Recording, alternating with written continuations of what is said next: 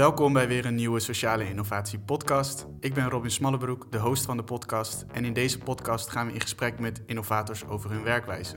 Om te leren hoe we maatschappelijke uitdagingen een stukje effectiever kunnen aanvliegen. Vandaag spreken we met Roland Grotenboer.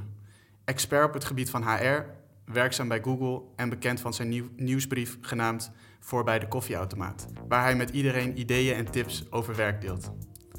Een onderwerp wat in een snel veranderende samenleving alleen maar meer en meer onder druk komt te staan. Dus heel fijn dat je er bent. Welkom Roland. Hey. Hey. Hoe gaat het met jou? Ja, het gaat goed. Ik heb het naar mijn zin nu al, dus dat, uh, dat is mooi. Nice. Um, ja, ik wil er eigenlijk gelijk met je induiken.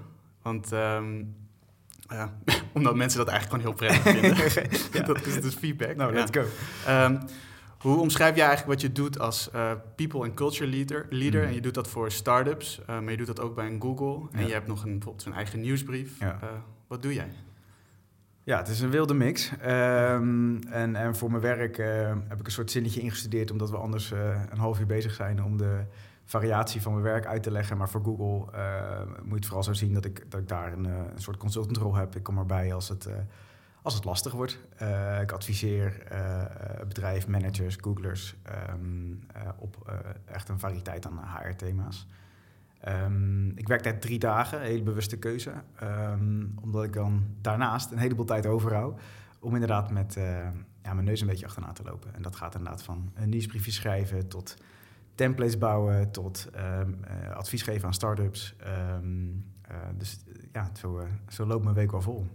Ja, en als je dan, als je dan HR benoemt, mm. zeg maar, dus nou ja, dat doe je dan met een nieuwsbrief, uh, ja. content maken bij startups. Wat, wat is dat dan ongeveer, zeg maar, voor mensen die echt denken van, oké, okay, HR is die afdeling. Ja, dat is een beetje een vies woord, hè? Ja, het is, het is niet je werkgeversverklaring ondertekenen of je loonstroken uh, invullen. Het, het, gaat over andere dingen. Um, wat ik vooral heel erg leuk vind, is nadenken over hoe we, hoe we werk met elkaar inrichten. En hoe je alles uit je werkende leven haalt. Um, dus als het gaat over mijn nieuwsbriefje dan denk ik daar heel veel over na. Het gaat van um, mijn eigen experiment met drie dagen werken tot uh, deze week had ik het over wat gebeurt er als je het overzicht helemaal kwijt bent. Wat moet je dan doen? Uh, vijf stappen. Um, en vanmorgen um, was ik weer met een heel ander thema bezig, wat ik dan weer op LinkedIn deel. En het gaat dan weer over handbooks uh, en andere zaken. maar het kan ook zijn dat ik in een soort tunnel kom, uh, uh, wat gaat over burn-outs en hoe we dat voorkomen, hoe we stress managen in een constant veranderend uh, samenleving. Het grootste thuiswerk-experiment ooit, COVID. Um, um, en wat we daarvan hebben geleerd, het, is, het gaat echt alle kanten op. Ja, ja want je noemt nu een paar punten zeg maar, van, vanuit noodzaak ook. Dus ja. burn-outs, nou, veel mensen wel mee bekend. Ja. maar als je soort van jouw uh, missie, dus hetgene wat je teweeg wil brengen mm. eigenlijk met alles wat je doet. Wat, wat is dat? Nou, dat is geen kleine vraag. Nee, nee, sorry. Ik bedoel hem ook. Ehm, ik stel hem misschien ook wel heel groot, maar inderdaad. Nou, van, ik, heb, ik heb er wel een idee bij. Ik weet alleen niet of ik hem. Uh, het is een goed moment om te oefenen of die er lekker vloeiend uitkomt. Kijk, ik, ik, ik geloof.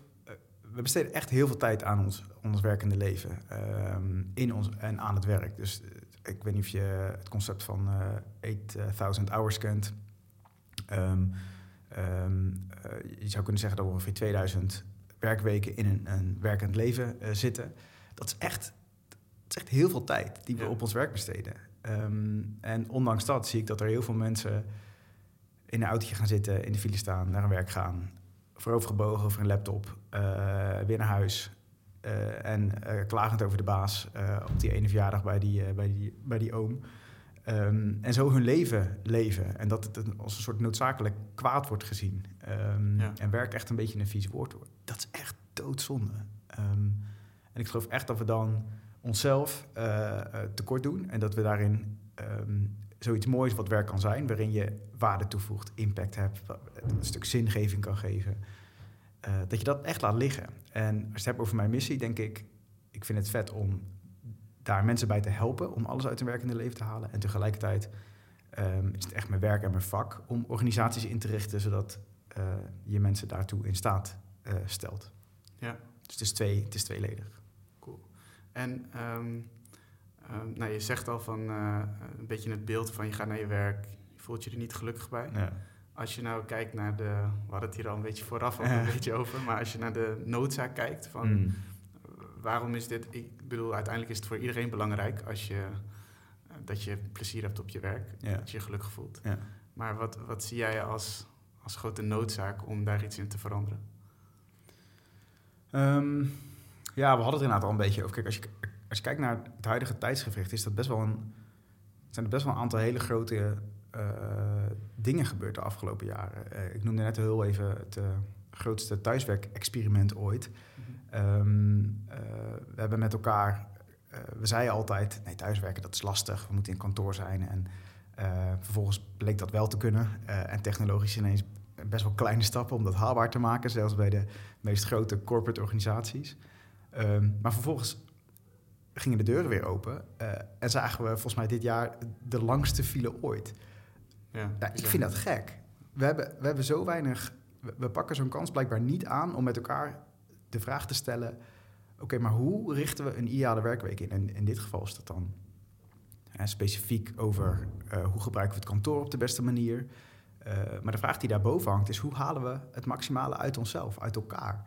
Ehm, en blijkbaar, ja, eh, zijn we nog niet zo geprogrammeerd om daar om dat soort momenten aan te grijpen, om daar heel goed over na te denken. Want hoe, wat valt jou op? Hoe gaan we ermee om? Ja, heel reactief. Dus, ehm, dus neem, neem eh, je, je, je blijft een, soort klaagzang horen over de hoeveelheid burn-outs die we hebben. Het is beroepsziekte nummer één. En wat er ehm, wat eraan opvalt, is dat dat vooral ook bij, bij een hele jonge generatie eh, ehm, gebeurt. Alleen, we hebben het daar nu al best wel lang met elkaar over. En je hoort een wat oudere generatie een beetje zeggen van... joh, die jongere generatie heeft nooit wat meegemaakt. Eh, wat weten zij nou? Alleen, wat we daarin denk ik onderschatten... is dat in de afgelopen twee decennia zo ontzettend veel veranderd is... ehm, dat het huidige werk en de werk van vandaag... ehm, iets heel anders vraagt dan twintig jaar geleden. Eh, en in plaats van dat het ons lukt om met ideeën te komen over hoe we dat anders inrichten, blijven we dus, en daarom noemde ik dat filevoorbeeld, vervallen in oud gedrag. Ja. En het is best wel raar waarom dat. Waarom, hoe komt dat nou? Wie drijft dat? Ja. Ehm, en waarom, waarom zijn mensen daar ook zelf niet wat innovatiever in? Wat durven ze een, wat, een andere aanvliegroute te nemen? We zitten best wel vast in een bepaald stramien als het gaat om werk. Want als je naar het werk, je zegt, er is een groot verschil tussen eh, ja, misschien hoe onze ouders werkten, zeg maar, en Ja. hoe, hoe wij nu werken. Ja. Wat, wat is het grote verschil? ja. Nou, mijn vader zit ook eh, in het HR-vak. Oké.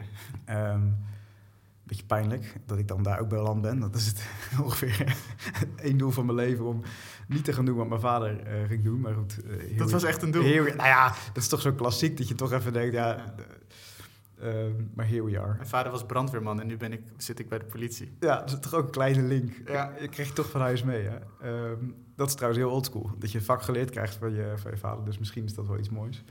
Ehm, het verschil... Kijk, mijn, mijn, vader die, die, ehm, die typt nog steeds niet met tien vingers.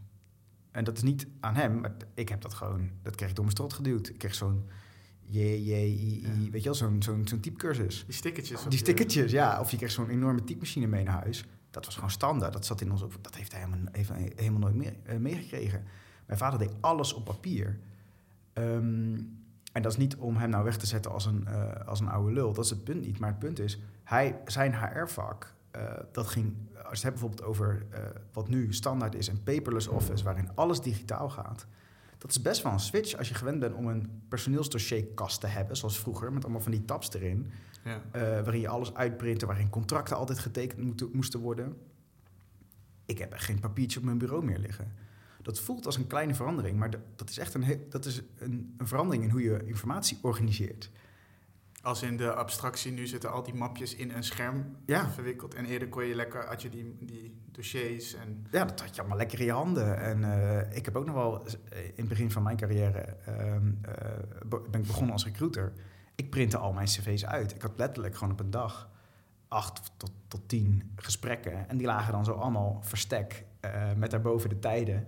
Lagen die op mijn bureau. Dat, dat is natuurlijk...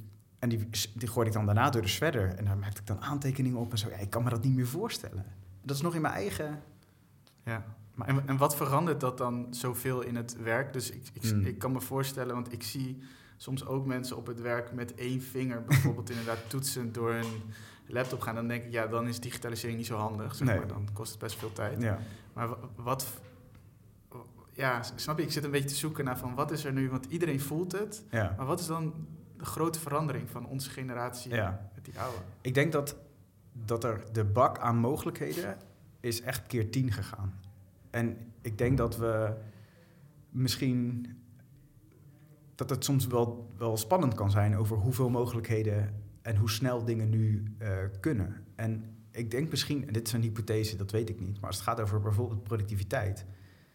hoe snel nu alles kan. Dus als ik thuis werk, zit ik, kan ik zo in acht tot tien calls achter elkaar zitten op kantoor moet ik nog een- een kantoor zoeken. Moet ik af en toe Ja. naar de wc, moet ik nog koffie pakken. Dat zijn natuurlijke mentale breaks. Als ik thuis werk, klik, klik en ik zit in de volgende call. Ja. Je kan zeggen dat is een enorme productiviteitswinst. Maar volgens mij zitten we op een, op een punt waarop we het maximum van productiviteit op sommige punten hebben bereikt. En onszelf af, af moeten vragen, wat willen we? Zeg maar, wat zijn de goede dingen van die innovatie die we, met, die we meenemen en kunnen optimaliseren? En waar lopen we tegen de grenzen van de, de innovatie aan voor onszelf, ook als mens, mentaal? Dat we Ehm, geen computers zijn, maar we werken wel samen op met computers. Ja. En ik denk dus, om terug te grijpen bijvoorbeeld op het kantoorvraagstuk. ehm, wat hebben we geleerd over hoe mensen wired zijn ten aanzien van het vraagstuk hoe we het meest uit onze werkweek halen als je gewoon puur nadenkt over waar we moeten werken? Volgens mij wat we geleerd hebben is dat één, iedereen anders is. Mhm. Dat ieder team andere dingen en andere behoeftes heeft. Dus dat er geen one size fits all is. Dat zie je aan hoe breed de discussie is. De een wil alleen maar thuis zitten en de ander wil alleen maar op kantoor zitten. Blijkbaar is er een spectrum. Elon Musk zegt deze week, eh, dikke vinger, je komt allemaal maar naar kantoor, 40 uur per week. Oh, dat heeft hij ook echt Ja. gezegd. Ja. Ehm, ja, daar zit natuurlijk dan nul nuance, nul soort van lerend vermogen over, ehm, over hoe mensen daadwerkelijk werken in. En dat mis ik wel eens als het gaat over echte innovatie, dus het fundamenteel veranderen van hoe we samenwerken. Mhm. Ehm, lijken, we gewoon, ja, lijken we gewoon niet zo heel veel, heel veel te leren. En wat ik dus heel vet vind, eh, is bijvoorbeeld een, ehm, een eh, bedrijf Homerun, eh, werkt in, eh, vanuit Amsterdam. Zij hebben een, ehm, een soort ATS, maar ook jobsite ontwikkeld. Eh, zij hebben de 4-day workweek als experiment ehm, eh, geïntroduceerd. Iedereen houdt hetzelfde salaris, maar er gaat gewoon een dag van je week af. Dat soort experimenten zijn zo schaars. Eh, vorige week hebben ze hun eerste resultaten een beetje gepubliceerd. Hè? Wat doet dat voor well-being? Wat zijn de dingen waar we tegenaan lopen? Ehm, en het lijkt wel echt voorbehouden aan nou ja, de, de Don Quixotes van, van deze wereld. Bedrijven die klein genoeg zijn om, om dat te proberen. Mhm. Om echt, echt eh, verandering te bewerkstelligen als het gaat over hoe we het maximale uit ons eh, zelf halen. Ook, ook, wat ook goed is voor de baas. Ja, en dan hoor ik je dus een beetje zeggen van als je dus bijvoorbeeld een dag eraf haalt, en dit doet me ook denken aan die Scandinavische modellen, toch eens dan Ja. naar, teruggaan naar zes uur of vijf uur of iets. Eh, Ja, al gebeurt dat ook niet op grote. Dus het, is ook dus niet ja, er, er wordt wel een beetje gedaan alsof, daar, alsof ze daar ehm Ja. 20 jaar vooruit Ja, lopen. inderdaad. Ja, dat Is niet eh, helemaal zo. Nou ja, in Nederland is, is, is koningin eh parttime werk van heel Europa. Wij werken het meest parttime in, in, in, eh, in heel Europa. Hm. Ehm, dus, dus ja, goed, ik denk dat we ook een aantal dingen wel degelijk heel goed doen hier. Eh, maar inderdaad, het raakt wel aan dat soort experimenten waarin ehm, op een of andere manier Scandinavië eh, een soort merk voor zichzelf gecreëerd heeft waarin ze Ja. ehm, Hutje, gooi hutje in het bos. ja, precies. Eh, met huttekees op je krekken lekker, lekker naar de bomen kijken. Ehm, maar dat zijn inderdaad wel de... ehm, wat, wat daar natuurlijk wel vet aan is, is dat ze ehm, best wel bolde dingen durven te doen. ten aanzien van bijvoorbeeld eh, hoe lang je werkdag moet duren. En waar dat natuurlijk uiteindelijk vandaan komt, is als je terugpakt op die afgelopen 20 jaar en die enorme verbetering die we door hebben gemaakt. Dat heeft nooit geresulteerd in eh, de gedachte, oh, misschien, moeten we, misschien hoeven we dus niet acht uur op kantoor te zijn, Ja. omdat alles letterlijk twee keer zo snel gaat. Omdat ik mijn commute, eh, eh, mijn, mijn reistijd kwijt ben. Omdat ik Ja. de, het, het, het enige resultaat van al die verbetering is dat we vast blijven houden aan, ja, maar we moeten wel evenveel blijven werken. Nou, volgens mij is de realiteit dat we nu op een punt komen waarop we het maximum hebben bereikt. Ehm, en dat het echt om een andere aanpak vraagt. Eh, en we eindelijk kunnen gaan genieten van al die innovatie. Ehm, dat gebeurt echt te weinig. Ja, dus we gaan eigenlijk gewoon kaart in het rood zitten werken. Terwijl we eigenlijk nu zouden kunnen zeggen van oké, hoe kun je dat ja, zo goed mogelijk met die technologie samenwerken en het meeste eruit halen wat er is, maar wel op een gezonde manier. Ja, en, je, nee, maak het nee, nee, nee, absoluut. Want eh, en, en wat die discussie drijft, is het feit dat we vast blijven houden aan eh, de basis van ons arbeid, onze arbeidsovereenkomst. Namelijk daarin staat, eh, ik ben drie dagen gaan werken, ik heb 40% van mijn salaris ingeleverd. Ik doe niet 40% minder werk. Ja, ja. Ik ben veel productiever in die drie dagen. Waarom? Ik kom vol energie, eh, kom ik erin. Eh, ik ben super assertief. Ik zeg nee tegen alle meetings die ik niet nodig heb. Ik archiveer mails zonder te lezen, omdat ik gewoon weet, nul toegevoegde waarde. Ik moet in deze drie dagen er alles uithalen. Ik durf met recht te zeggen dat ik misschien 20% aan output heb ingeleverd, maar 40% minder betaald krijgt. Dat komt omdat we blijkbaar ergens eh, vast blijven zitten in de, de, de aanname dat we tijd voor geld krijgen in plaats van tijd voor output of tijd voor daadwerkelijke meerwaarde. Ehm, en dat lijkt dan nog een beetje alleen voorbehouden aan salesmensen die dan eh, met één snelle meeting eh, een deal van 50.000 euro binnenhalen en dan vervolgens de rest van de week met een... Super meetbaar, soort van. Precies. Ja. Ehm, dat is ook te kort op de bocht. Dus ik zeg niet dat we daar naartoe moeten. Maar de discussie staat wel stil. Terwijl juist nu zou je zeggen, laten we nieuwe dingen proberen. Toen we hier, eh, toen we hier aankwamen, toen eh, noemde je, en je noemde het net ook al eventjes Twitter. Ja, Je zei van ja, er gebeurt nu ook heel veel en ook vooral in de techmarkt. ja. Dat je zei van ja, er zijn enorme eh nou, hire freezes of ze zijn zelfs mensen aan het ontslaan, toch? Ja. Ja. hoe, ja, ik, ik vond het net een leuke opening die je maakte, maar Ja. wat, is daar, wat is daar gaande? Hoe kijk je daarnaar? Ja, daar is, daar is heel veel gaande. Ehm, nou goed, ik denk dat Twitter een, een beetje een outlier is, omdat eh, Dat er net iemand naar binnen is gelopen met, met, een, eh, eh, met een zink. ja. Dus dat, dat vind ik niet zo'n goed voorbeeld. Wat ik wel een goed voorbeeld vind is, is Stripe, de, de, de ehm, concurrent van, van Adyen, een payment provider. Ehm, een bedrijf wat ook echt bekend staat om een hele solide cultuur, stevig DNA, goed leiderschap. En dat zag je ook aan eh, de mail die, eh, die Patrick, de, de CEO, ook stuurde aan het hele bedrijf. En dan ook, ja, dat lekt dan ook direct uit. Eh, dat weten ze ook dat dat gebeurt. Ehm, en ook, ook de Zuck, eh, onze, onze robot in Amerika, die aan het hoofd staat van, van, van Meta. Ja. Het bedrijf van, van Facebook, WhatsApp, Instagram. Vergeet dat niet, dat is echt niet alleen Facebook. Ja. Ehm, die ook snijdt in het, in het personeelsbestand. Wat daar interessant in- aan is, is voor mij twee dingen. Ehm, in eerste instantie is het, ze krijgen tegenwind. En het eerste wat er gebeurt, is snijden in de mensen. Eh, daar kom ik zo nog even op terug. En wat je ziet in de communicatie, en dat moet ik eh, eh, eh, ehm, eh, Mark Zuckerberg meegeven, is dat hij hand in eigen boezem steekt. En dat doet Patrick, de CEO van Stripe, doet dat ook. Waarin ze zeggen, ik neem volledige verantwoordelijkheid voor wat hier gebeurt. Ik neem verantwoordelijk voor het verantwoordelijkheid voor het feit dat we te veel mensen hebben, voor de operatie die we op dit moment hebben en wat dat verdient.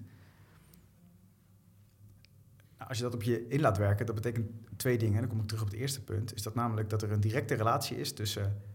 eh, en als het plat slaan, en dat voelt soms een beetje vies... maar dat het eigenlijk je arbeidsovereenkomst niet meer is dan het feit dat jij... en daar komt het woord HR ook vandaan... en daarom wordt iedereen daar een beetje boos over... we zijn een resource voor je baas. Je bent een, een, een som der delen. Je bent uiteindelijk een, een kracht die iets op moet leveren. En als Een dat middel. Niet, ja, nou ja, een resource, inderdaad, een middel. Ja. En als die som niet uitkomt, dan is het eerste waar er aan gepeuterd wordt, is het feit dat je, je inderdaad je baan kan verliezen. Ehm, dat legt een spotlight op, op het, op het, dat zet een spotlight op het feit dat dus blijkbaar mensen heel erg belangrijk zijn en daar goed voor zorgen en daar met heel veel intentie goed over nadenken, ontzettend eh, belangrijk is. Ehm, eh, en in de verantwoordelijkheid die zij nemen, ligt natuurlijk ook verscholen dat blijkbaar hadden ze er iets aan kunnen doen Ja. afgelopen twee jaar. Blijkbaar zijn er afgelopen twee jaar verkeerde keuzes gemaakt. En het harde is, daar betalen nu mensen de prijs voor. En ik denk dat dat iets is wat me ook, waar ik ook echt mijn bed voor uitkom. We zeiden net een beetje, waarom is werk nou eigenlijk zo belangrijk? Nou, toen ging ik op een soort filosofische tour. Mhm. Aan het eind van de rit is dat wel wat de, wat de huur betaalt. Is dat wel waar je je kinderen van de school eh, eh, brengt eh, en die veel les van betaalt. Dat gaat echt ergens over. Dat is je paycheck, je livelihood. En misschien hele goede jobs bij een Facebook, maar er zijn ook mensen verhuisd en hebben alle, Ja. alles op alles gezet om daar te werken. En die zijn nu in één keer zonder die baan. Precies, die hebben Ja. kids meegenomen naar, naar, naar Amerika om daar de prachtige job te gaan doen en staan binnen anderhalf jaar weer op straat. Moet, moet het kind weer van school. Dus het, het, de soort van ripple effect, zoals ze dat zo mooi noemen, de, de, de wrinkles die je hebt, ehm, dat is enorm. En dat, dat gaat echt ergens over. En daarom is HR zo belangrijk. Dat je met intentie nadenkt over, oké, maar wat is het werk wat gedaan moet worden? Hebben we daar meer mensen voor nodig? Hebben we daar eigenlijk minder mensen voor nodig? En wat je gewoon ziet is dat zodra het goed gaat met een bedrijf, is standaard wat ze doen, is mensen bijprikken. Als ik aan jou nu vraag, heb je, zou je er een collega bij willen? Ja. Heel graag. Maar er is een hele grote kans dat het zeker het eerste half jaar, zo niet jaar, meer werk oplevert. Want je bent die persoon wat aan het uitleggen, die persoon gaat fouten maken. Die... En dat je pas na een jaar gaat profiteren van het feit dat daar iemand bij zit. Heel vaak is iemand bijprikken niet de oplossing voor je probleem. Nee zeggen tegen dingen is vaak de oplossing. Dat is een andere route. Ehm, maar ik volg dat wel op de voet. Die, die ontwikkelingen die ehm, heel veel impact hebben over, op, op een heleboel mensen die nu eh, bij Twitter hoofdkantoor eh, ja, we- nu wel echt met een kartonnen doos buiten staan. Want, want hoe werkt die dynamiek? Want je zegt van, nou ja, over het algemeen, en ik vind het ook herkenbaar, het klinkt inderdaad als een inkoppertje van, Mm. inderdaad als je me nu vraagt van, ik een extra persoon bij? Laat- Stel bijvoorbeeld voor de podcast, een extra persoon erbij die... Had wel lekker geweest met eh, Ja. klaarzetten. Ja, ja thanks. Ehm, maar ja, dan, dan, dan, dan is, het, eh, is het antwoord inderdaad ja. Maar wat is dan die dynamiek? Waar, waar neemt een zoek nou eigenlijk ehm, verantwoordelijkheid voor? Dat hij de hele tijd heeft gezegd van meer mensen, meer mensen, meer mensen? Nou, Ja, dat vind ik lastig. Ik, ik wil eh, eh, Zuckerberg niet eh, bashen. Ehm, ook omdat ik juist, dat, ik wil hem juist in die zin credits geven voor het feit, hij is ook eindverantwoordelijk. En hij neemt die verantwoordelijkheid, dat vind ik heel netjes. CEO van Stripe doet dat ook. Ehm, eh, de dynamiek die, die daarin plaatsvindt, weet ik natuurlijk intern bij dat bedrijf niet. Maar het is wel zo dat als het gaat over groei, dat, dat groei is meer dan meer mensen. Dat, dat is eigenlijk, dat is eigenlijk eh, denk ik een veelgemaakte fout. En als het gaat over, in mijn ogen, je belangrijkste, het klinkt een beetje vies, maar resource, je belangrijkste asset, middel, ehm, je duurste middel ook, dat zijn namelijk je mensen, wordt daar vaak niet heel erg lang over nagedacht. Ja. Ehm, en goed nagedacht over wat de kosten daarvan zijn, wat dat op moet leveren. Eh, en ook heel weinig in geïnvesteerd. Als ik, en goed, dan ga ik, kom ik een beetje op mijn terrein. Ehm, ehm, als ik aan, bij een bedrijf binnenloop en zeg, wat, hoe hebben jullie feedback georganiseerd? Ja, dat doen we organisch en eh, niet te moeilijk. En denk ik, ja, maar feedback is een van de, is echt de ruggengraat van, van je bedrijf als het gaat over hoe je dat, we hebben net geconstateerd, die resource is ontzettend belangrijk en duur. Het is het eerste waar je in snijdt als het misgaat. Feedback is echt je, je rode draad als het gaat over het, het helpen van je mensen om tot hun recht te komen en hun werk goed te doen. Het gaat over het communiceren van verwachtingen. Het gaat over eerlijke observaties delen. ehm, Feedback twee kanten op. dat gaat ook twee kanten op, inderdaad.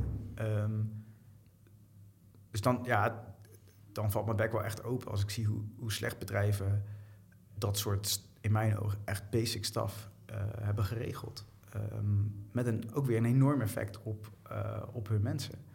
Ja. Want het is ook het rip- ripple effect van het risico dat als het misgaat, dan gaan dus al die mensen ja, zitten zonder baan. En dat Ja. heeft. eh, ik heb wel eens in een job gezeten waar dan een paar mensen daaruit gingen. Ja, Ja. Dan krijg je ook best wel een negatieve stemming Ja. binnen die club. Want Ja. iedereen, sommige mensen zijn vrienden. ja. Dus het heeft best wel een groot effect door het bedrijf heen. Ja, en, en dat is dan nog het meest tastbare. Maar ik denk dat je ook... Wat mensen onderschatten is... Als ik nu aan jou vraag... Heb je een, op een schaal van 1 tot 5... Heb je een gevoel wat voor cijfer je manager op dit moment zou geven... Hoe jij het doet? Is dat een 3? Is dat een 4? Nou ja. Is dat een 5? Is dat een 2? Ja, het is, eh, het is een vier, denk ik. Ja, ik, wil, ik vroeg je niet echt om antwoord. Ja, maar ik geef Ik gewoon weet niet of je Ik dacht, of zij ik dacht dat jij een scenario, zeg maar, zo van, nou, dat een, ik geef antwoord en jij zegt dan, nou, een vier. het dat is zou heel leuk zijn. antwoord. Dat is het ook wel. Maar het, is, Ja, het zou ook leuk zijn om eh, eh, eh, haar of, of hem op, nu- dan nu te bellen... en te vragen hoe dat... Dat laten we even achterwege. Ja. Ehm, ehm, maar, de, maar de vraag die daaronder ligt is, komt dat overeen? Ja. En klopt dat? Want de grap is, mensen hebben een enorme bias ten opzichte van hoe ze zichzelf beoordelen. Iedereen denkt dat ze beter zijn dan de rest. Uh, inclusief jij en ik. Mannen nog erger dan vrouwen, Mannen toch? absoluut nog erger. Um, aan bescheidenheid um, is, is geen overdaad. En dat is, een, dat is een probleem. Dat is een, in mijn ogen is dat een basisbehoefte van een werknemer. Dat je weet hoe het gaat. Dat je weet hoe je baas over je denkt. Ik denk als je een, een survey zou doen, uh, en dat zie ik ook in de praktijk, is dat daar heel vaak een mismatch is. Dus dat een manager misschien denkt, nou, ik denk eigenlijk dat het een drie is. En eigenlijk komt dan pas het interessante gesprek. Oké, maar wat zijn dan de, de, uh, de thema's waar, waar, waar Robin aan zou moeten werken? Ja. Um, ja. Dan komt het volgende probleem. Heel veel managers vinden het heel lastig om dat te benoemen. Mm -hmm. uh, en dan blijkt dat er een heleboel voor ingenomenheid bij managers zitten. Zoals bijvoorbeeld het feit dat extraverte mensen altijd beter beoordeeld worden dan introverte mensen. Dat komt omdat extravert gedrag wordt gelijkgeschakeld met allerlei positieve... Dus al die mensen krijgen allemaal positieve eigenschappen toegewezen. Ah, die neemt initiatief, die komt altijd met ideeën. Bullshit, praat gewoon veel. Laat hem een keer zijn mond houden in die meeting. Geef ja. ruimte aan andere mensen. Dus goed, we, we, gaan nu een rabbit hole in... waarin, je, waarin er zoveel haarvaten zijn in, die, die een enorme impact hebben op je organisatie... waar een heleboel bedrijven niet over nadenken. En dat is schadelijk. Dat, is echt, dat, is echt, dat heeft echt schade voor hoe, hoe goed mensen uiteindelijk hun werk kunnen doen. Ja, dat, dat extravert en introvert, daar, haak ik eventjes, of daar ga ik eventjes op aan. Ja. Dat ik herken het heel erg zeg maar, in, okay. in, in, bijna alle organisaties waar ik ja. heb rondgelopen. Dat het inderdaad mensen die soms heel oppervlakkig naar onderwerpen kunnen kijken, maar heel goed kunnen schreeuwen. En ook ja. vooral uh, een ander onder druk kunnen zetten, verbaal. Waardoor die ander het gevoel heeft van ik zit in een verhoring, verhoor. En daardoor kunnen ze geen antwoord meer geven. Uh, terwijl ze het eigenlijk wel weten. Um, hoe, hoe kun je daarmee omgaan, zeg maar? Wat, want je zegt net van, ja, praat gewoon meer. Met, of je praat te veel of, of praat met elkaar daarover. Ja. Maar hoe, hoe doe je dat? Um, heel, even heel micro-praktisch. Ja, nee, dit is, een, dit, is, dit is leuk, omdat ik deze reden interessant vind. Um, in de kern gaat dit over, over diversiteit en inclusie. Dit gaat uiteindelijk over gelijke kansen. Dit gaat uiteindelijk over richt je een organisatie in, zodat iedereen mee kan doen. En niet altijd dezelfde persoon kon bovendrijven. Um, en in eerste instantie gaat het natuurlijk om de uh, grandioze ongelijkheid als het gaat over, uh, uh, over kleur of, of, achtergrond. dat gaat misschien over het feit dat je niet native spreekt. Um, wat, wat voor een enorme ongelijkheid kan zorgen. Of het, gewoon het feit dat je Ahmed heet, gewoon maakt je cv op de, op in de prullenbak belandt. Um, dat is realiteit, dat is een dat is echte ongelijkheid waarvan ik vind dat, nou goed, dat dat nog bestaat, is, is echt een schande. Um, een meer genuanceerd gesprek gaat over deze um, andere elementen van, van, van, ook van diversiteit, waarin wij gewoon als mens anders wired zijn. Uh, ja. Onze bedrading loopt anders en daardoor heb je andere voorkeuren.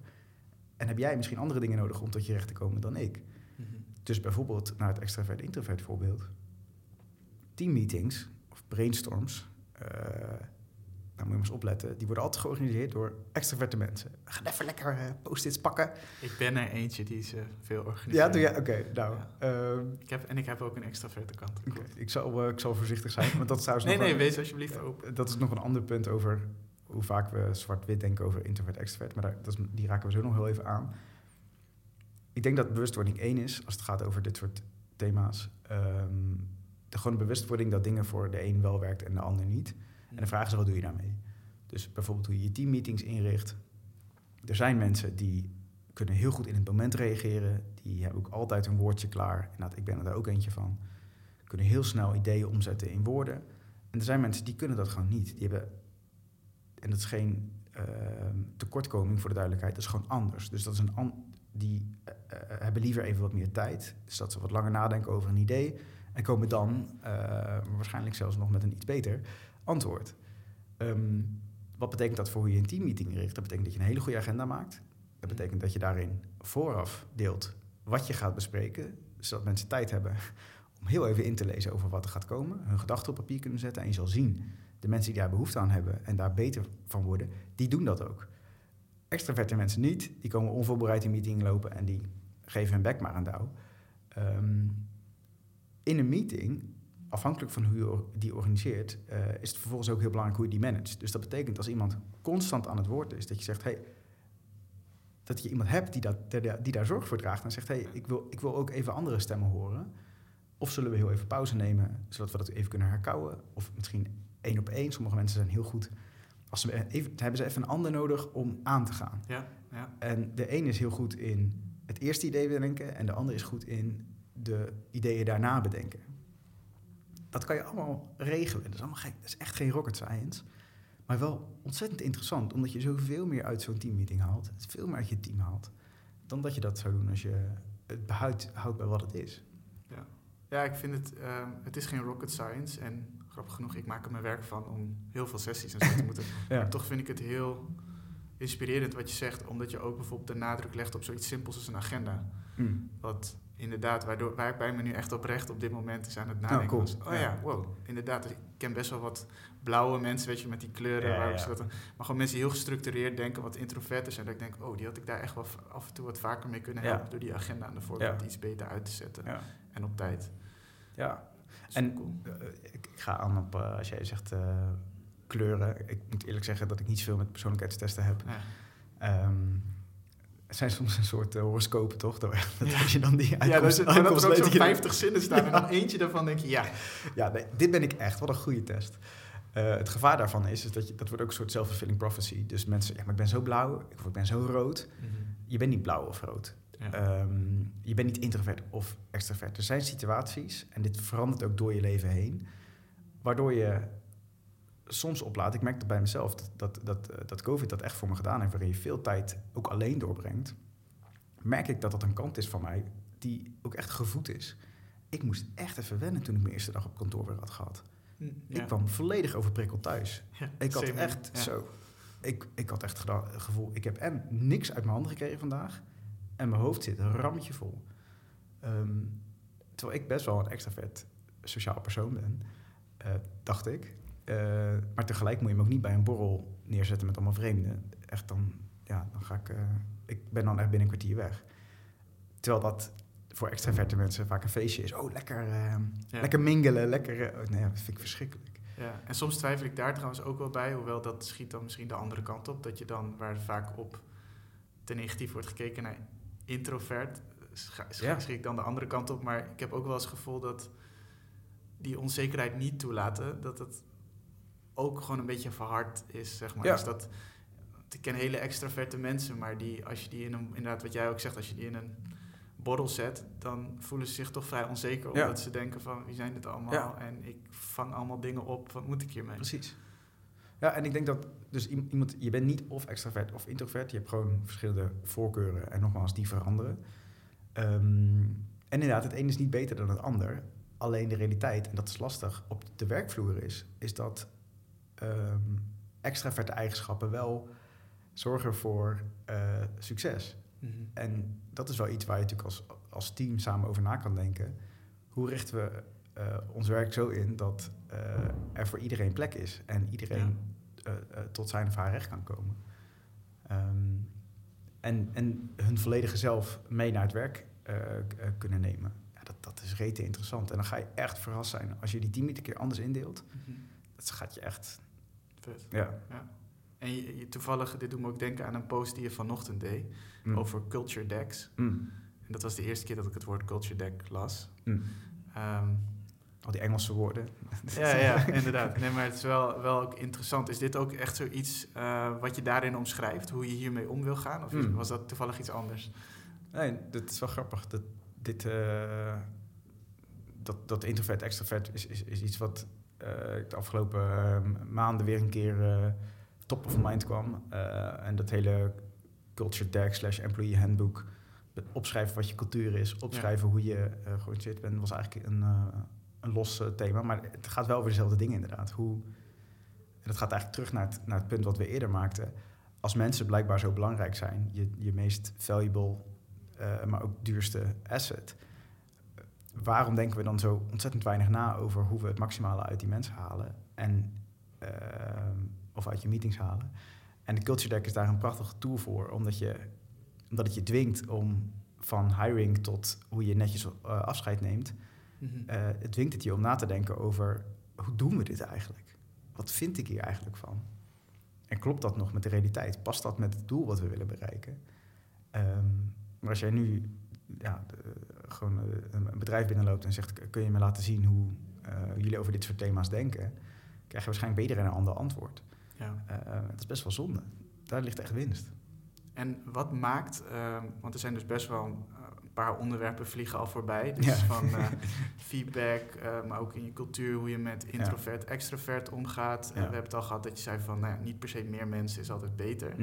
Eh, maar ook niet per se altijd meer tijd is altijd beter. Nee. Ehm, een paar soort van designfouten, of nou, fouten is misschien wat negatief, maar gewoon designuitdagingen waar we iets mee kunnen. Ja. Ehm, als je kijkt naar eh, hoe HR georganiseerd is, Mhm. wat, eh, ja, waarom denken we niet Mm. kritischer na over deze dingen of innovatiever?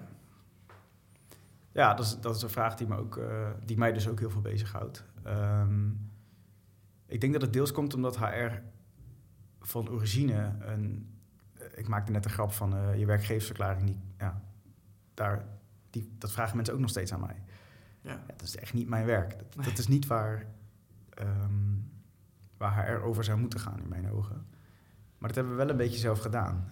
Ehm, door eh, op dat soort praktische problemen te springen. Ehm, en van origine was ook, had je ook echt een grote HR-afdeling nodig. De sala- salarisadministratie, dat was ook HR. Ehm, Dat is het nu niet meer?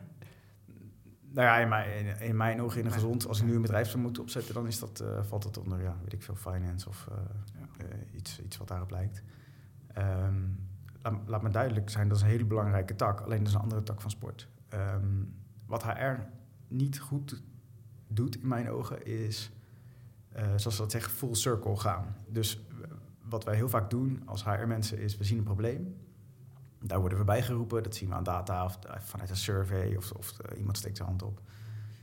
We komen erin, we, gaan meedenken, we komen met al onze hopelijk expertise, ervaring en we proberen dat probleem ehm, links of rechtsom op te lossen of we proberen mensen te helpen om het zelf op te lossen. En daar stopt het. Waar stopt het dan precies? Het stopt bij het probleem is opgelost, we gaan door naar het volgende brandje. We Oh gaan ja. door naar het volgende. Ja. Wat er moet gebeuren is, daarna, dat is eigenlijk de helft van het werk. Wat daarna gebeurt is, hoe komt dit probleem eigenlijk? Ja. Komt dit vaker voor? Eh, hoe zorgen we dat het, hoe voorkomen we dit probleem? Zijn, we, zijn er structurele aanpassingen die we moeten doen? En dat bedoel ik met full circle. Ehm, wat kunnen we doen om ehm, ehm, dit probleem te voorkomen? Laten we met wat ideeën komen. Laten we daarmee gaan experimenteren. We doen een paar iteraties en boem. We hebben een organisatie wat begon bij één probleem. eh, fundamenteel beter bestand gemaakt tegen deze problemen. En wat dat uiteindelijk zou moeten betekenen in mijn ogen, is dat je jezelf overbodig maakt. Omdat je op een gegeven moment na drie jaar, dat merkt iedere HR-persoon, kom je bij een organisatie in een soort loop waar je dezelfde problemen bijna met seizoenen tegenkomt. Hm.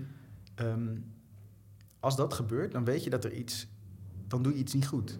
Ja. Dan loop je namelijk, je helpt de organisatie niet fundamenteel verder in hoe ze het maximale uit hun mensen halen. En dat betekent niet dat het aan jou ligt, maar ik denk wel dat HR daar van origine best wel slecht in is. Ehm, en dan kom je terug bij thema's die we in het begin bespraken.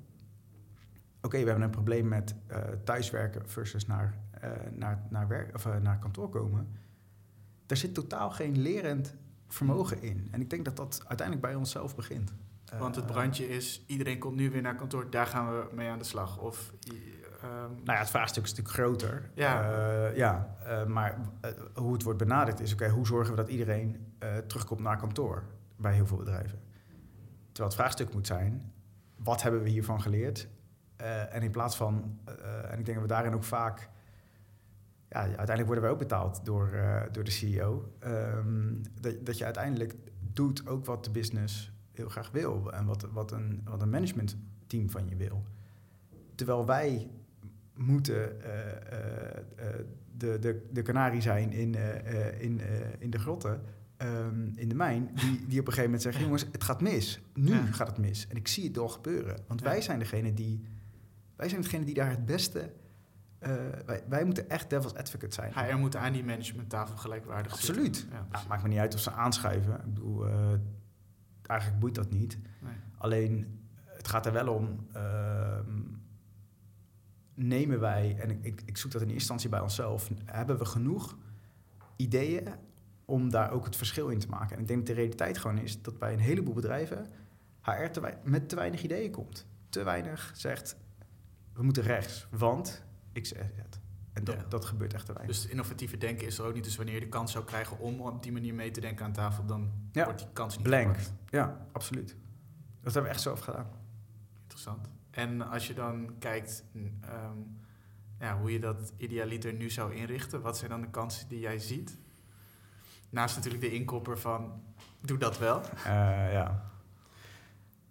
Hmm. Ja, ik denk wel dat het begint bij een, ehm, bij een kijkje in de spiegel. Dus ik denk wel dat dat als het gaat over... ehm, als we dus weten dat goede mensen het verschil maken... eh, en dat een belangrijke asset is, dat het een ontzettend groot en belangrijk onderdeel is van ons leven... ehm, denk ik dat, er, dat we te weinig big, bold ideas durven te brengen. Ik denk echt dat het daarmee begint. Ehm,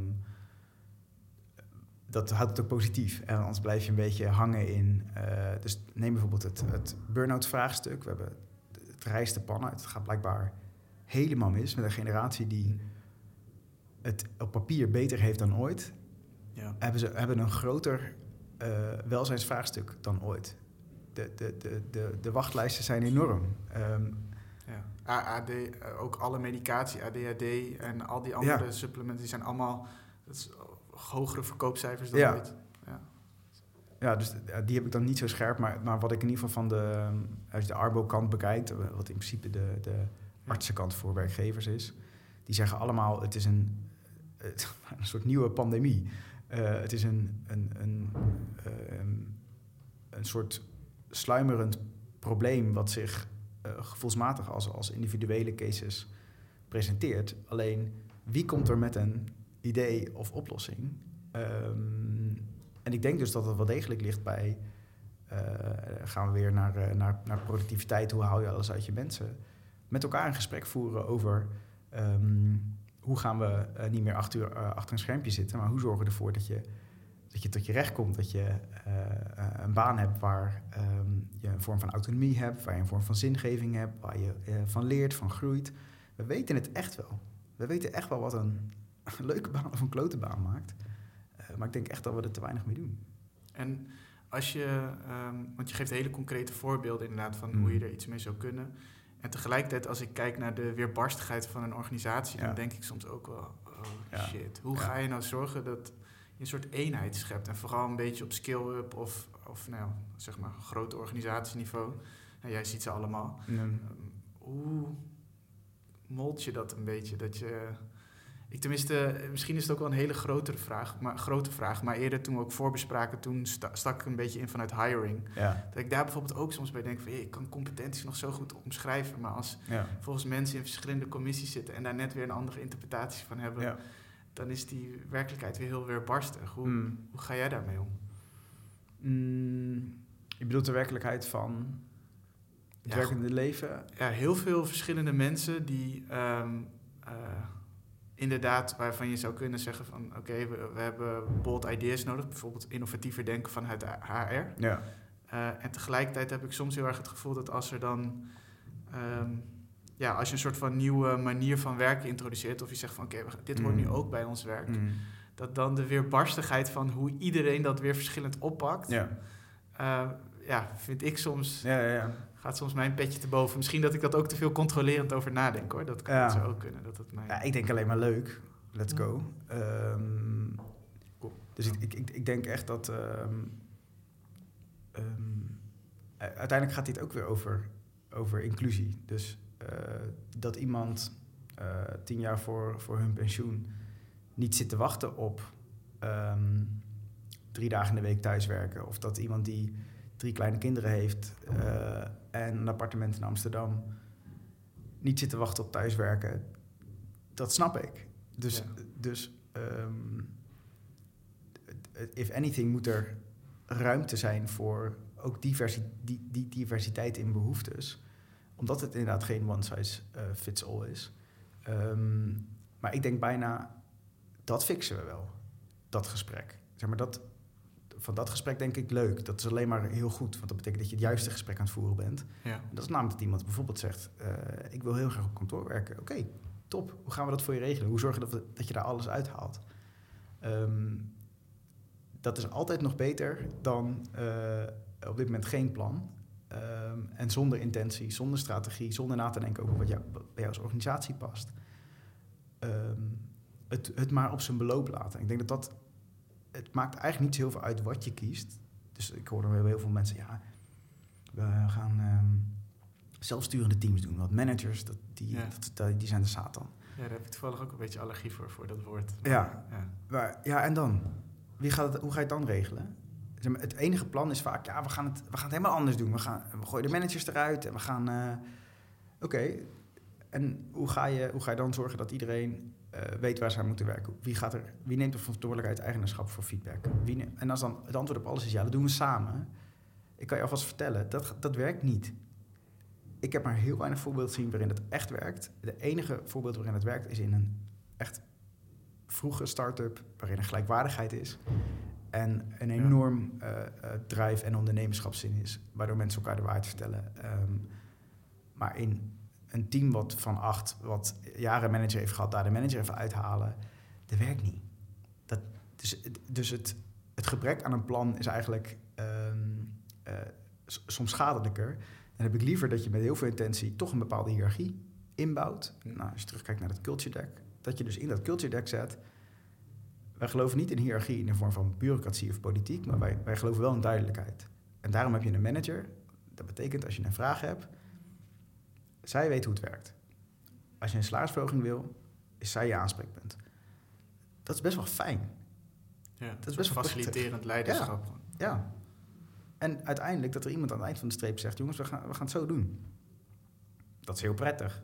In plaats van een soort apenrots waar degene met de grootste bek vaak of die er het langs zit, het dan maar voor het zeggen krijgt. Dat dient helemaal niemand. En ik denk dat we daarin soms een beetje op drift zijn als het gaat over innovatie. Dat we een beetje op drift zijn met, met allerlei ideeën, een platte organisatie. Of dan wordt, ja, we, we zijn allemaal zat van functioneringsgesprekken en performance reviews. Alle HR-goeroes, waar ik er duidelijk geen één van ben. Die zeggen allemaal, ja, dat moeten we dat, uh, opdonderen, daar gaan we mee stoppen. Uh, dat moet allemaal organisch vloeien, continuous feedback. Ja, oké, okay, continu feedback. Hoe regel je dat? Je zal het toch moeten regelen. Ja. Um, en ik ben niet bang om, om dat gewoon... Uh, ja, ik, ik, ik, ik vind daarin een aantal oldschool modellen werken best wel prima. Maar het gaat er wel om hoe je die vervolgens implementeert. Um, maar ik denk dat we soms te vaak het kind met badwater weggooien. Uh, vanuit een lens van innovatie. Van nou, dat was vroeger. Uh, daar gaan we helemaal mee stoppen. Ja, maar wat is dan je alternatief? En dat, dan blijft het vaak stil. Ja. ja je, je opent bij mij best wel wat vakjes in mijn hoofd. In de zin van... Nee, Uh-oh. maar dat, is, dat is gewoon... Dat is juist heel fijn. Mm. Um, dus ik ben benieuwd of ik je dan ook goed gehoord heb. Maar dat je bijvoorbeeld zegt van ja, het is, het is zeker geen one size fits all. En ik merk Mm. dat ik toch af en toe in mijn hoofd naar een soort one size fits all zijn, onbewust aan het bewegen ben. Ja.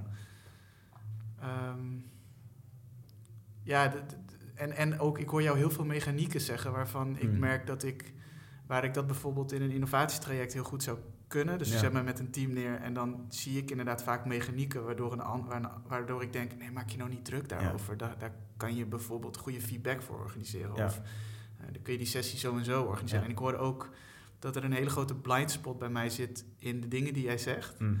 Waardoor ik denk, oh ja, volgens mij op het moment dat jij dat organiseert met zo'n team, dan denk jij aan een culture uh, deck, goede feedback organiseren, Ja. uh, ra- uh, daarin ook plannen maken over hoe introvert en extrovert een plek geeft, hoe gaan mensen met hun planning om. Ja.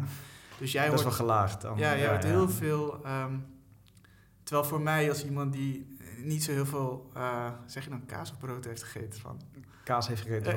ja. van, uh, van uh, uh, ik moet altijd wegblijven van spreken. maar, maar van HR, zeg maar, kijk ik veel te veel soort van, merk ik abstract naar iets. Mm. En ik, in dit gesprek mm. leer ik dus eigenlijk dat ik dat doe. Mm. Grappig. Ja.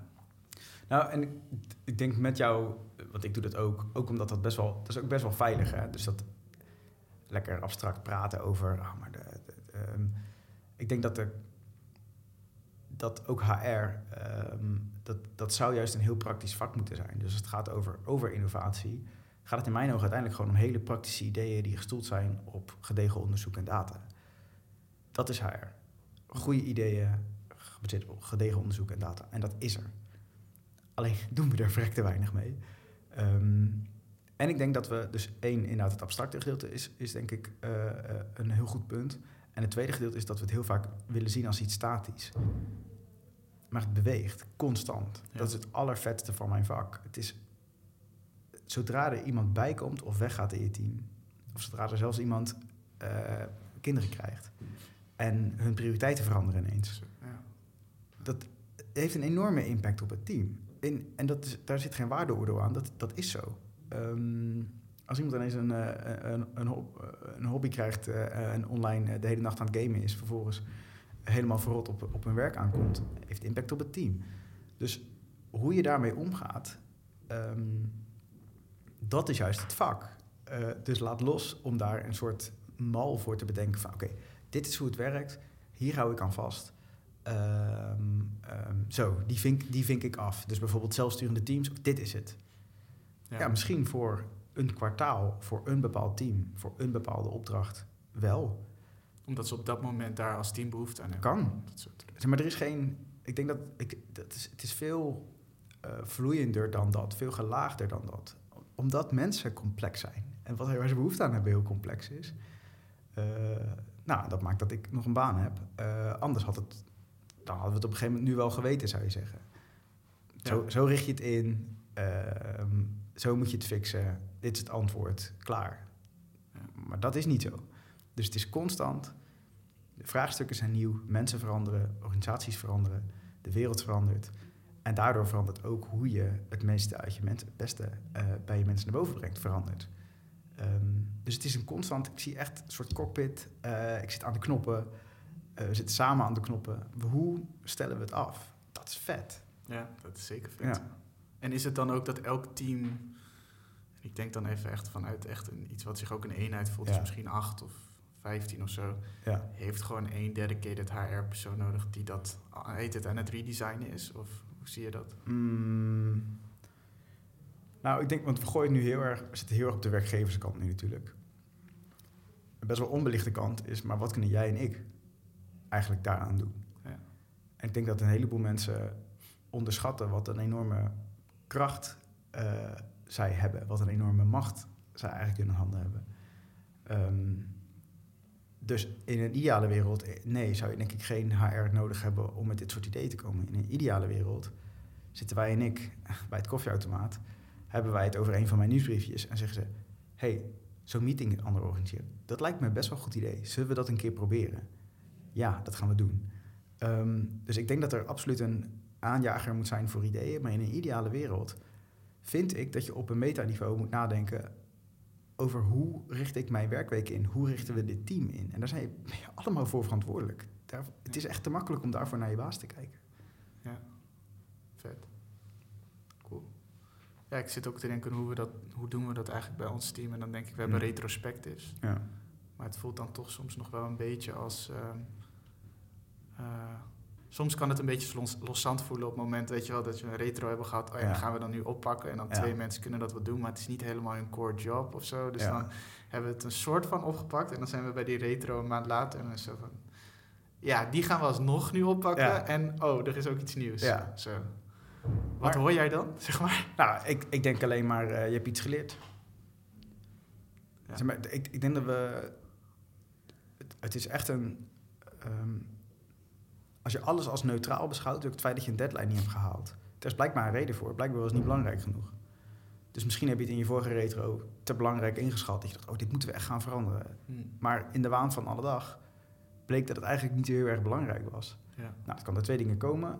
Eh, of het mist eh, urgentie of het mist prioriteit.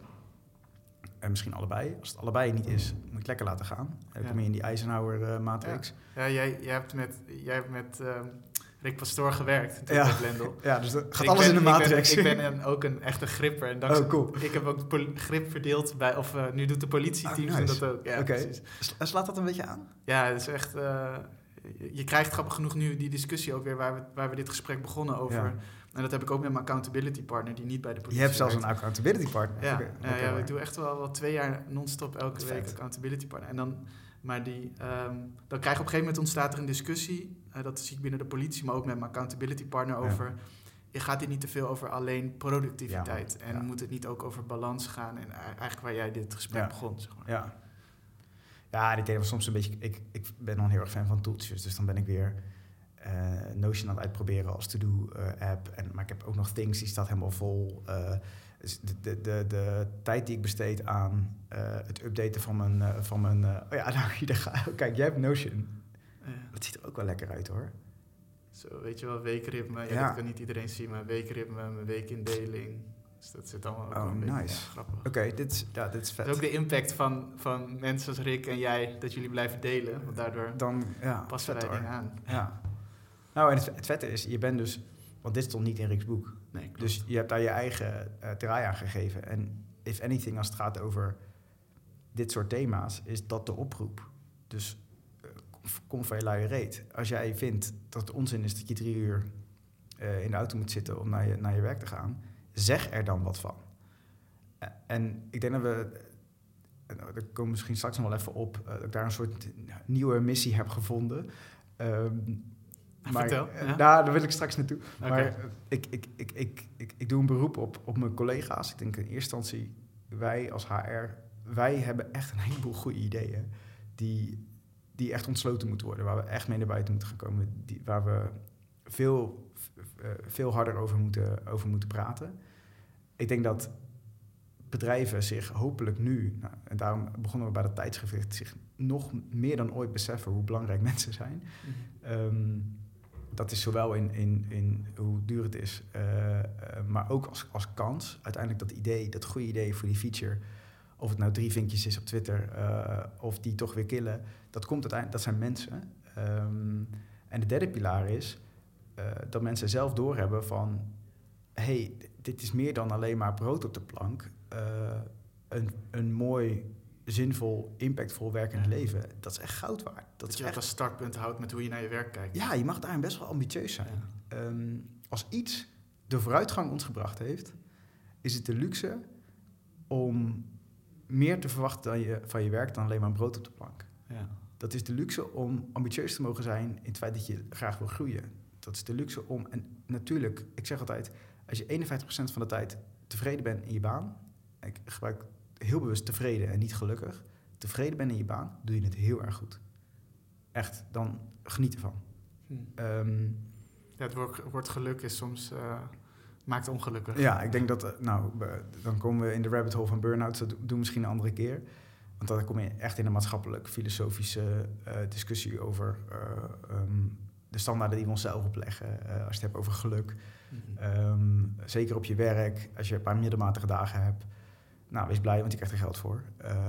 Maar als daar een paar dagen tussen zitten in de maand, waarvan je denkt, holy fuck, ik heb echt, dit was vet. Ik heb hier veel van geleerd. Ik heb mooie mensen ontmoet. Ik heb iets gedaan waarvan ik het, het product zag. Wat is er mooier dan dat? Volgens mij wil ik heb daarom altijd een soort wens om nog een keer timmerman te worden.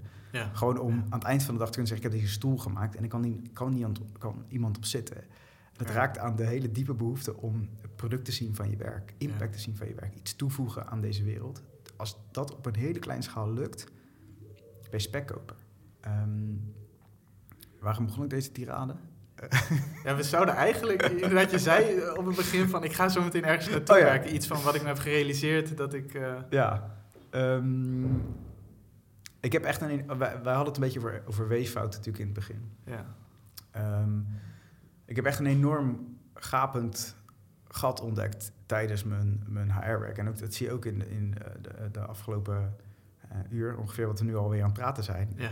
Het gaat allemaal over werkgevers. Dus het gaat over eh, werkgevers die bezig zijn met een organisatie in aan het richten. En mensen als poppetjes. Eh, gaat het even wat minder? Gooien we er wat uit? Gaat het weer wat beter? Nemen we weer wat aan? En hoe doen we dat? En dan heb je mensen als ik die ze daarbij adviseren. Mhm. Ehm, wat dat door de jaren heen heeft opgeleverd, is een, is een ontzettend grote oneerlijkheid ten opzichte tussen jou en je baas. Het is een ontzettend groot informatievoordeel tussen je baas en jou. Jouw baas staat altijd 1-0 voor. En dat begint al bij de voordeur. Als jij gaat solliciteren, kom jij tegenover iemand zoals ik te zitten, die die dag misschien al acht gesprekken heeft gedaan, uh, dit zijn hele leven al doet en precies weet hoe dat gesprek loopt, precies weet wat ze moeten vragen. En misschien een agenda heeft waar jij helemaal geen weet van hebt. En voor jou is dat misschien wel het eerste gesprek in de eerste in vijf jaar. Zit je daar ineens? Krijg je allemaal moeilijke vragen op je af. Dat is best wel oneerlijk. Ja. Niet in de laatste plaats, omdat een sollicitatiegesprek een hele slechte manier is om te bepalen of je goed bent in een baan. Ehm, maar ook het feit dat er een enorm contextvoordeel is voor die recruiter. Een informatievoordeel is over wat zij zoeken. Wat je allemaal niet weet, dat zet ze echt niet in een um, job ad. Hoe zeg je dat uh, in normaal Nederlands? Een uh, vacature. Zo, dit dat was erg. um, maar dat gaat verder. Dus de eerste keer als jij naar je baas gaat en je zegt: hey, ik wil graag, een, ik wil graag meer geld. Uh, wat heel veel werkgevers dan zeggen: ja, maar je verdient al heel erg veel. Dat is echt een heel veel gehoord argument. Ja, want hij, en, want hij weet dat jij een blindspot hebt in waarschijnlijk hoeveel... Je hebt geen idee. Je hebt helemaal geen context. Soms weten mensen dat wel. Maar jouw baas heeft... Ja, ook. uh, goed, en er, er, gebeurt ook heel veel als het gaat over salaristransparantie. Um, waar nu ook wetgeving voor komt en dat is heel erg goed.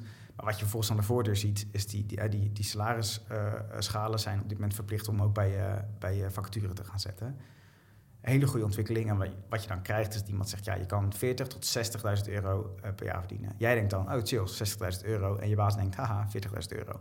Dus je, dan, dan, zijn we er nog niet. Ja. En dat fixt niet het grote probleem, het gapende gat... wat er is tussen jou en je werkgever, wat gewoon oneerlijk is.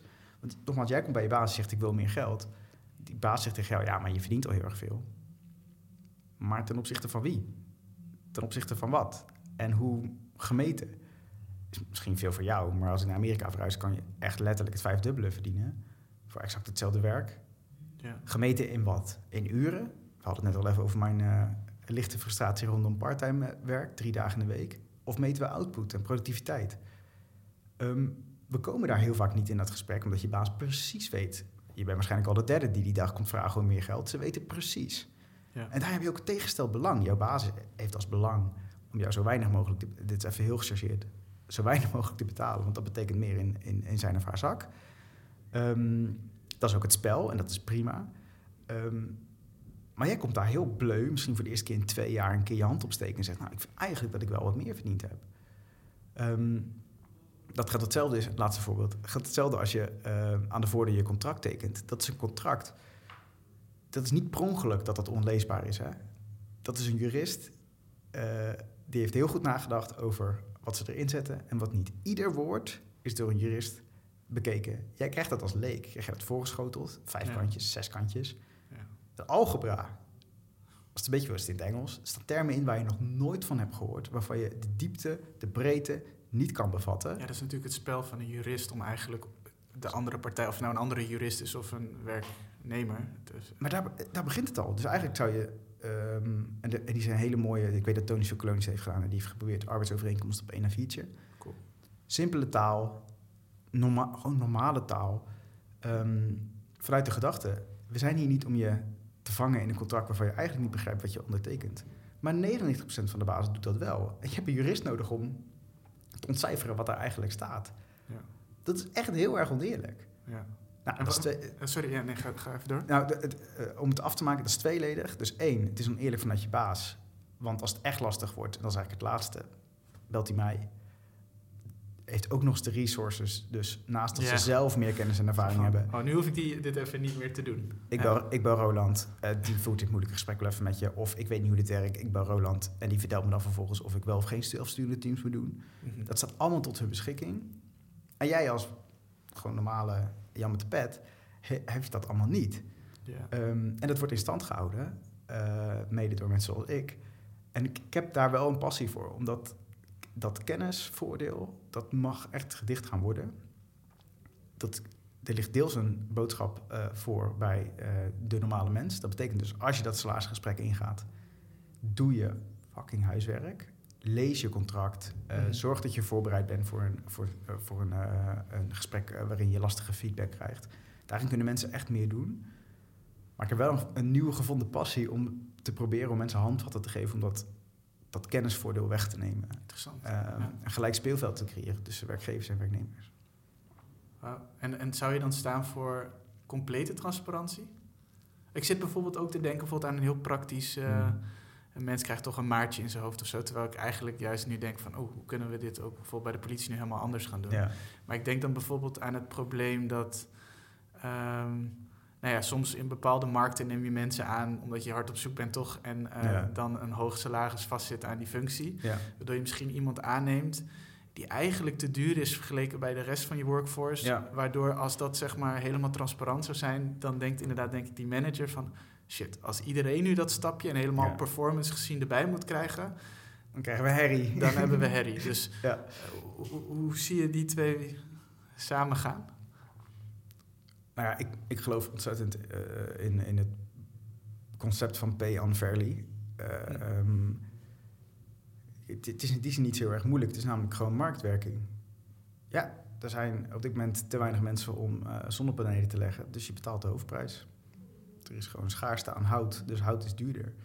Dus ook openheid over pay on fair. Wees, pay ja, wees, daar maar, wees daar maar eerlijk over. Ik, ik vind dat geen spannend gesprek. Dus als, cool. ik vind het heel logisch dat een developer meer verdient dan ik. Ja. Door de waarde die ze toevoegen, dat is één. Eh, wat bij haar moeilijker meetbaar is. Dat is voor mij dus een boodschap. Maak het meetbaar. Ja. Eh, en ten tweede, developers zijn schaars. Schaarster dan iemand die psychologie heeft gestudeerd. Die heb je eh, bij bosjes. Mhm. Dus het is niet zo'n heel moeilijk gesprek. En dan kan je zeggen, ja, maar dat is oneerlijk. Maar dat vind ik een ander gesprek. Het is in ieder geval open. Dus die openheid, die gaat dan zelfs zo ver dat je gewoon open bent over het feit dat, het, dat er sprake is van een vorm van marktwerking. En als mensen daar dan boos over worden, dan eh, gaan ze een eh, crash course eh, Python leren. Dan word jij developer, is ook goed. Graag. Ja.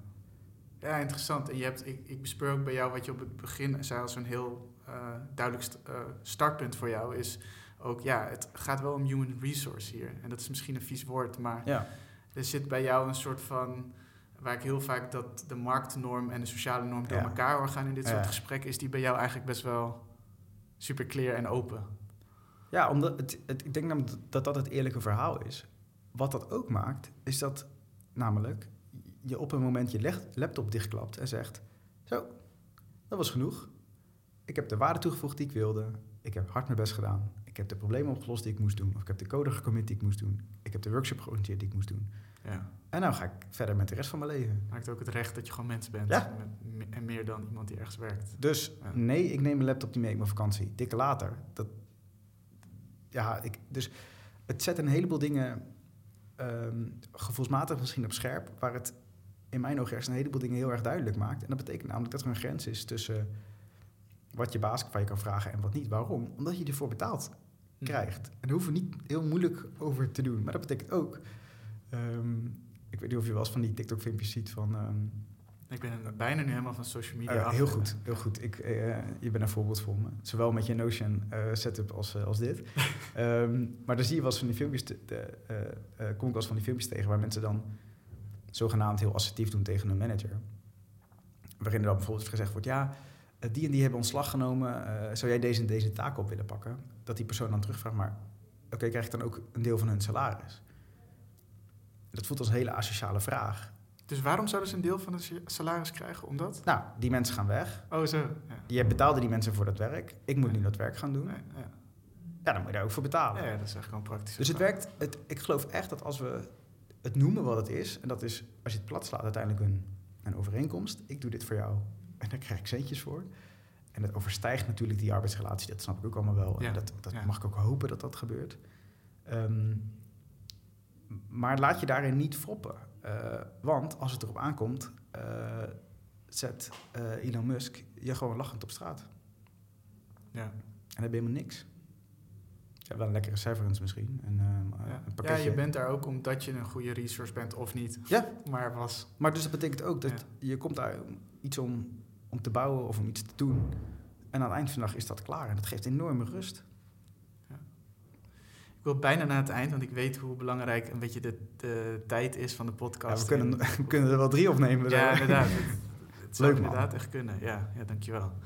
Ehm wat ik nog één ding wat ik je aan zou, zou willen vragen, en dat is gewoon omdat dat eigenlijk grappig genoeg mijn eerste vraag aan jou was. We hadden we moeten, mee moeten beginnen misschien. Nee, maar ik ben gewoon heel erg benieuwd, zeg maar, van... Ik zit eh, soms met dat eh, vraagstuk van... ehm, stel je bent in een wat grotere organisatie, inderdaad... eh, neem een Google of neem een politie. Je bent Ja. aan het hiren Ja. en je zet commissies op.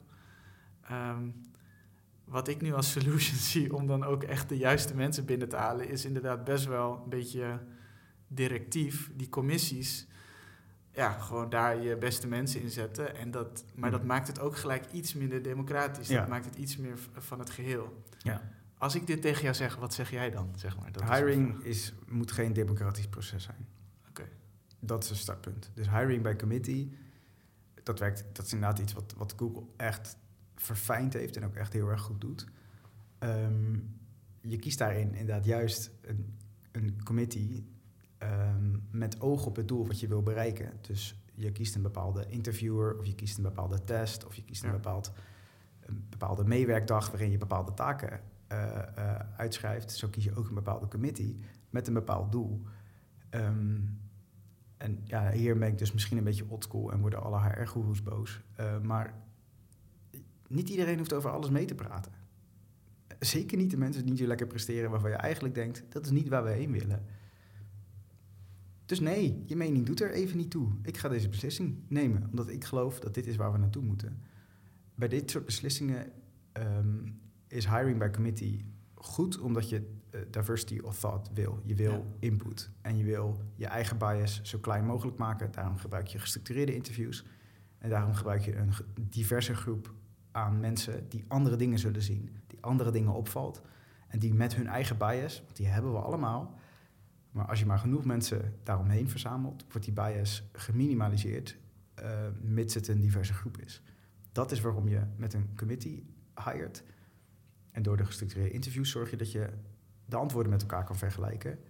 Ehm, dus wat ik zou zeggen over, ik word dan een beetje directief, dan zou ik zeggen, heel goed. Oké, nice. Laat één iemand de verantwoordelijkheid voelen om deze beslissing goed te maken, maar laat die persoon dan ook het hiringproces zo inrichten, geoptimaliseerd voor datgene wat ze proberen te bereiken. Eh, En als dat betekent misschien een iets kleinere committee waarin niet iedereen meepraat, prima. Ja. Maar leg het dan ook eerlijk uit van, hé, hey, wij denken dat op dit moment jij niet klaar bent voor het interviewen van mensen. En dat komt omdat wij denken dat je op deze drie punten jezelf nog kan verbeteren. Ehm en interviewen is een vak. Dus nee, jij zit niet bij het sollicitatiegesprek. Helder, interessant. Dankjewel. Ja, super, super helder antwoord. Ehm, ja, ik wil hem afsluiten Ja, als het voor jou oké is. Ja, Ehm. Maar dan wel met de vraag, heb je nog een must-read, een must-watch? En misschien wel, ja, ik noem dat een jam. En uiteindelijk ben ik, vind ik het best wel boemerig dat ik het altijd een jam noem. ik Maar zit dat, ook met veel Engelse woorden in mijn hoofd. ja, maar een soort, van, een soort van muziekje. Een soort van, ik probeer altijd mensen nog iets mee te geven als ze denken van... eh, ik wil iets meer lezen in die gedachtenstroom eh, waar Roland zit. Wat, wat zouden ze dan eh, kunnen oppakken? Ehm, Het kan ook een YouTube-filmpje zijn of een, of een hele goede Netflix-docu. Docu. Nee, ik heb wel een boek eh, wat mij eh, toevallig door Rick is aangeraden. Ehm, het heet eh, The Second Mountain van David Brooks. Ehm, wat gaat over het vinden van je vocation, van je roeping. Ehm, nou, ik denk alles wat ik doe om het uit te leggen in een paar zinnen doet het boek tekort. Maar dat is mijn aanrader. Dat heeft echt voor mij de kijk op het werkende leven eh, eh, wel echt op zijn kop gezet. Sick. Nou, ik ga hem in ieder geval halen, want ik zit hier vaak mee. Ik zal je zo meteen een overzichtje laten zien in mijn In eh, je Notion eh, doc. Ja, met hoe die verkenning gaat van de vocation.